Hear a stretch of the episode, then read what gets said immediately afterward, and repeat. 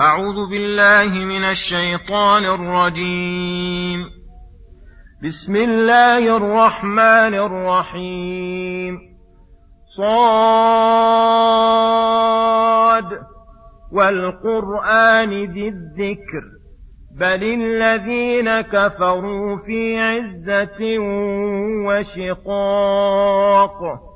كم أهلكنا من قبلهم من قرن فنادوا ولا تحين مناص وعجبوا أن جاءهم منذر منهم وقال الكافرون هذا ساحر كذاب أجعل الآلهة إلها واحدا إن هذا لشيء عجاب. وانطلق الملأ منهم أن امشوا واصبروا على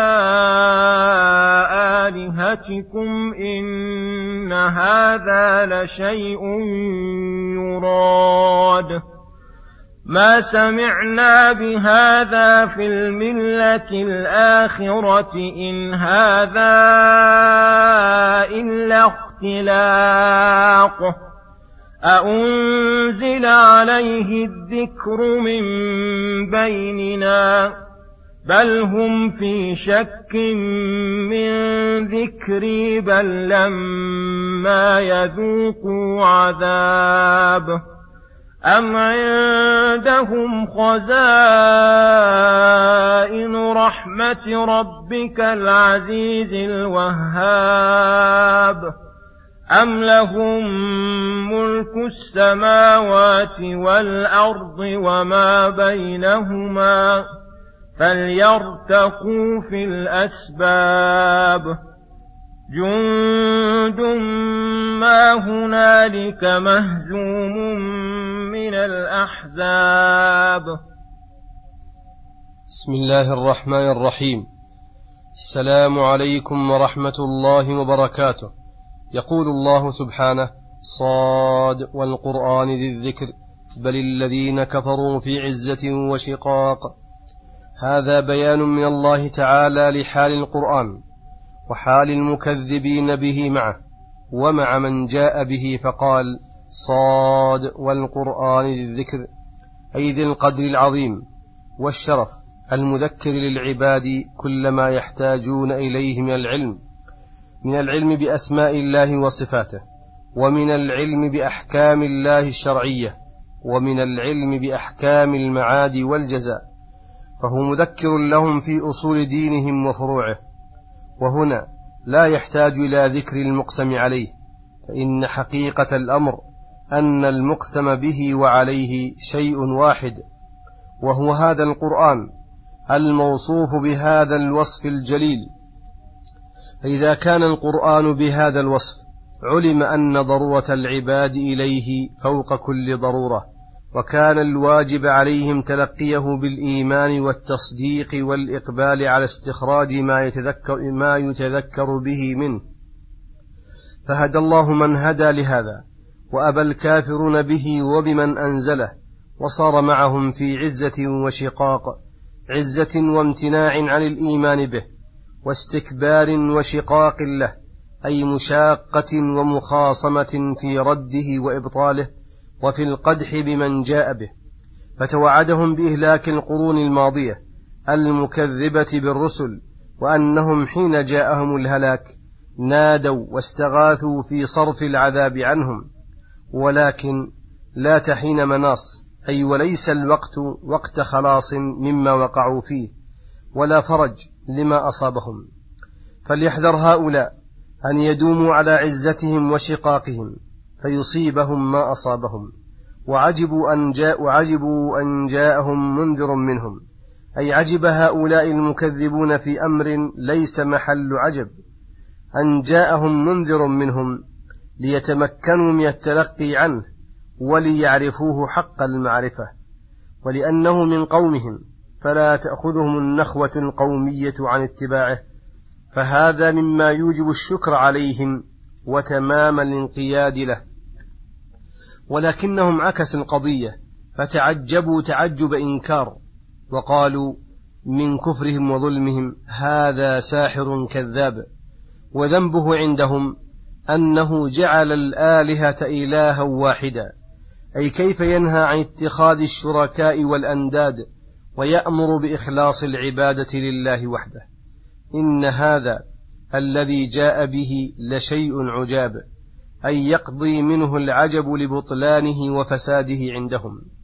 وانطلق الملأ منهم المقبول قولهم محرضين قومهم على التمسك بما هم عليه من الشرك أن امشوا واصبروا على آلهتكم أي استمروا عليها وجاهدوا نفوسكم في الصبر عليها وعلى عبادتها ولا يردكم عنها راد ولا يصدنكم عن عبادتها صاد. إن هذا الذي جاء به محمد من النهي عن عبادتها لشيء يراد أي يقصد أي له قصد ونية غير صالحة في ذلك. وهذه شبهة لا تروج إلا على السفهاء فإن من دعا إلى قول حق أو غير حق لا يرد قوله بالقدح في نيته فنيته وعمله له. وإنما يرد بمقابلته بما يبطله ويفسده من الحجج والبراهين وهم قصدهم أن محمدا ما دعاكم إلى ما دعاكم إليه إلا ليرأس فيكم ويكون معظما عندكم ومتبوعا ما سمعنا بهذا؟ القول الذي قاله والدين الذي دعا إليه في الملة الآخرة أي في الوقت الأخير فلا أدركنا عليه آباءنا ولا آباؤنا أدركوا آباءهم عليه. فامضوا على الذي مضى عليه آباؤكم فإنه الحق. وما هذا الذي دعا إليه محمد؟ إلا اختلاق اختلقه وكذب افتراه. وهذه أيضا شبهة من جنس شبهتهم الأولى حيث ردوا الحق بما ليس بحجة لرد أدنى قول وهو أنه قول مخالف لما عليه آباؤهم الضالون. فأين في هذا؟ ما يدل على بطلانه. أأنزل عليه الذكر من بيننا؟ أي ما الذي فضله علينا؟ حتى ينزل الذكر عليه من دوننا ويخصه الله به. وهذه أيضا شبهة. أين البرهان فيها على رد ما قاله؟ وهل جميع الرسل إلا بهذا الوصف يمن الله عليهم برسالته ويأمرهم بدعوة الخلق إلى الله؟ ولهذا لما كانت هذه الأقوال الصادرة منهم لا يصلح شيء منها لرد ما جاء به الرسول أخبر تعالى من أين صدرت وأنهم في شك من ذكري ليس عندهم علم ولا بينة. فلما وقعوا في الشك وارتضوا به وجاءهم الحق الواضح وكانوا جازمين بإقامتهم على شكهم. قالوا ما قالوا من تلك الأقوال دفع الحق لا عن بينة من أمرهم وإنما ذلك من باب الائتفاك منهم. ومن المعلوم أن من هو بهذه الصفة يتكلم عن شك وعناد فإن قوله غير مقبول ولا قادح أدنى قدح في الحق وأنه يتوجه عليه الذم واللوم. وأنه يتوجه عليه الذم واللوم بمجرد كلامه ولهذا توعدهم بالعذاب فقال بل لما يذوقوا عذاب. أي قالوا هذه الأقوال وتجرأوا عليها. حيث كانوا ممتنعين في الدنيا حيث كانوا ممتعين في الدنيا لم يصبهم من عذاب الله شيء فلو ذاقوا عذابه لم يتجرأوا أم عندهم خزائن رحمة ربك العزيز الوهاب فيعطون منها من شاءوا ويمنعون منها من شاءوا فيعطون منها من شاءوا ويمنعون منها من شاء حيث قالوا أأنزل عليه الذكر من بيننا أي هذا فضله تعالى ورحمته وليس ذلك بأيديهم حتى يتجرأوا على الله. أم لهم ملك السماوات والأرض وما بينهما بحيث يكونون قادرين على ما يريدون فليرتقوا في الأسباب الموصلة لهم إلى السماء فيقطع الرحمة عن رسول الله. فكيف يتكلمون؟ وهم أعجز خلق الله وأضعفهم بما تكلموا به. أم قصدهم التحزب والتجند والتعاون على نصر الباطل وخذلان الحق وهو الواقع. إن هذا المقصود لا يتم لهم بل سعيهم خائب وجندهم مهزوم. ولهذا قال جند ما هنالك مهزوم من الأحزاب. أي كالأجناد من جنس الأحزاب المتحزبين على الأنبياء قبلك وأولئك قد قهروا وأهلكوا فكذلك نهلك هؤلاء.